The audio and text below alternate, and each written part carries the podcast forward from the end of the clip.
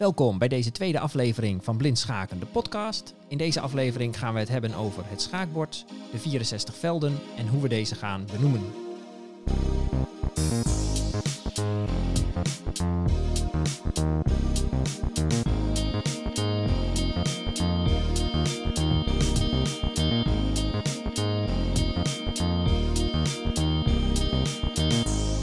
En mijn naam is Jan Spoelstra en zoals in de eerste aflevering van deze schaakcursus per podcast al aangegeven, gaan we in deze podcastserie beginnen bij de regels en de basis.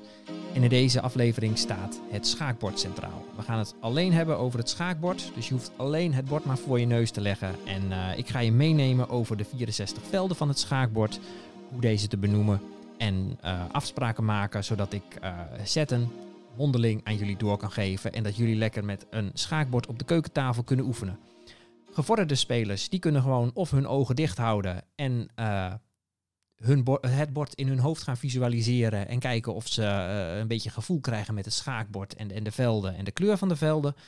Um, ja, laten we beginnen. Het schaakbord heeft 64 velden, 32 zwarte velden, 32 witte velden. Nou is het belangrijk als je het schaakbord voor je neerlegt dat linksonder een zwart veld is. Nou, voor de, voor de, voor de ziende mensen die een bord met, uh, met uh, uh, letters aan de onderste rand en, en cijfers op een verticale as hebben, het is belangrijk dat de letters voor jouw neus liggen met de A links. Nou, linksonder ligt dus een zwart veld, rechtsonder een wit veld. Nou ja, dat is even het eerste wat mis kan gaan, het bord een kwartslag draaien. Goed, wat zien we verder aan het schaakbord? Uh, we hebben acht kolommen.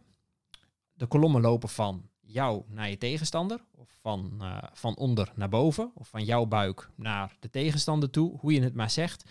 Uh, ik zal in deze podcast vaak zeggen dat ze van onder naar boven lopen. Um, dan zijn er ook acht rijen, die lopen van links naar rechts. En uh, wat misschien alvast leuk is om te melden, is dat de middelste vier velden van het schaakbord, daarvan moet je je eigenlijk voorstellen dat ze op een heuvel liggen. Dat zijn de belangrijkste velden in het bord. Vanaf dat veld, uh, vanaf die vier velden kunnen de stukken ook nou, het hele bord beslaan, of de meeste velden beslaan. Uh, dus het is in een partij, in een schaakpartij, belangrijk om in dat centrum je stukken neer te zetten, of om die velden te beïnvloeden door daar stukken naar te laten kijken.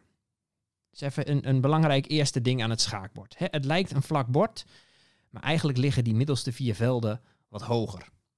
Als er misschien iemand is, een timmerman is, die een keer een, een schaakbord kan maken uit een blok hout en die middelste vier velden wat omhoog kan leggen en in elke ring die daaromheen loopt uh, het bord af te laten lopen naar de zijkanten, zou misschien wel mooi zijn om dit te visualiseren. Nou goed, dat is het schaakbord.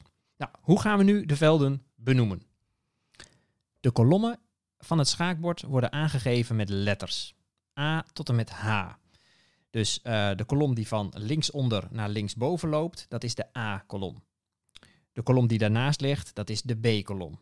En dat gaat helemaal door tot de kolom helemaal rechts van het bord, die van rechtsonder naar rechtsboven loopt, dat is de H-kolom. Nou, voor die uh, verschillende kolommen, voor die letters, hebben we ook uh, bepaalde woorden uh, internationaal afgesproken. Dat is vooral bij het blinde schaken, kom, komt, komt die benaming veel voor. ik zal die letters ook, die benamingen ook gebruiken in deze podcast. En daarom loop ik nu eventjes van links naar rechts over alle kolommen van het schaakbord heen. De linkerkolom is de A-kolom, Anna. Daarnaast ligt de B, Bella. Daarna komt de derde kolom van links, dat is de kolom Caesar. Dan komt David, dat is de kolom uh, die door het centrum loopt. Wat ik net zei, die centrumvelden zijn het belangrijkst. Dan komt de E-kolom, Eva, Felix, Gustav en Hector. Nou, dan de verschillende rijen. Uh, de onderste rij die het dichtst bij jou ligt, dat is de eerste rij. De tweede rij, nou ja, dit is niet helemaal nodig om deze te benoemen. Uh, de rij die het dichtst bij je tegenstander ligt, dat is de achtste rij. Het is goed om te noemen dat we nu uh, het bord in het perspectief van de witte speler hebben liggen. Als je met zwart speelt, dan ligt het bord andersom, maar dan gaat de uh, notatie ook andersom. Dus dan is, als je met zwart speelt, is het veld linksonder niet Anna 1, niet A1, Maar dan is het veld wat ligt, linksonder ligt hector 8. En zo is het bord, ja, laten we zeggen, gespiegeld. Nou, dat is voor nu even niet van belang. We leggen nu het bord, in de eerste 10 podcasts leggen we de, de, het bord in het perspectief van de witte speler neer. Met linksonder A, rechtsonder, uh, linksonder uh, Anna 1, rechtsonder Hector 1, linksboven Anna 8 en rechtsboven Hector 8. Dan is het zo aan het begin van deze podcastserie nog even goed om de twee diagonalen en de centrale velden even goed te bekijken.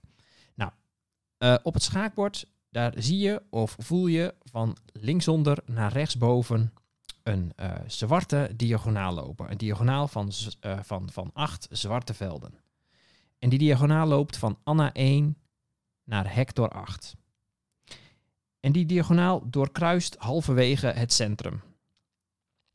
En datzelfde uh, doet de lange witte diagonaal, die van rechtsonder naar linksboven loopt. Die loopt van Hector 1 naar Anna 8. En ook die diagonaal kruist het centrum. Nou, dan noem ik bij deze even de, de vier velden in het centrum op. En ik noem ook de kleur even op. Um, linksonder in het centrum ligt het zwarte veld David 4. Rechtsonder in het centrum ligt het witte veld Eva 4. Linksboven in het centrum ligt het witte veld David 5. En rechts bovenin het uh, centrum ligt het zwarte veld Eva 5. Nou, het is goed om je dat even in te prenten en van daaruit uh, soms te redeneren waar liggen witte velden, waar liggen zwarte velden. Dan wil ik deze podcast besluiten met een aantal oefeningen, met een, uh, met een aantal uh, ja, looproutes over het schaakbord, waarbij we alle velden opnoemen. En uh, misschien is het goed om de podcast even op pauze te zetten en zelf van tevoren alvast het antwoord te bedenken. Ik neem als uitgangspunt van deze eerste oefening het veld Anna 1. Dat is linksonder. En ik ga nu in een, ja, tegen de klok in, langs de rand, over het schaakbord lopen. Vraag, welke velden kom je tegen tot je weer op Anna 1 bent? Nou, zet de podcast even op pauze als je daarover na wil denken, als je het even in je hoofd wil oefenen. Um, ik ga er nu mee verder. Nou, als we vanaf Anna 1 tegen de klok in over het schaakbord gaan, dan komen we achtereenvolgens Anna 1, Bella 1, Caesar 1, Eva 1, Felix 1, Gustav 1 en Hector 1.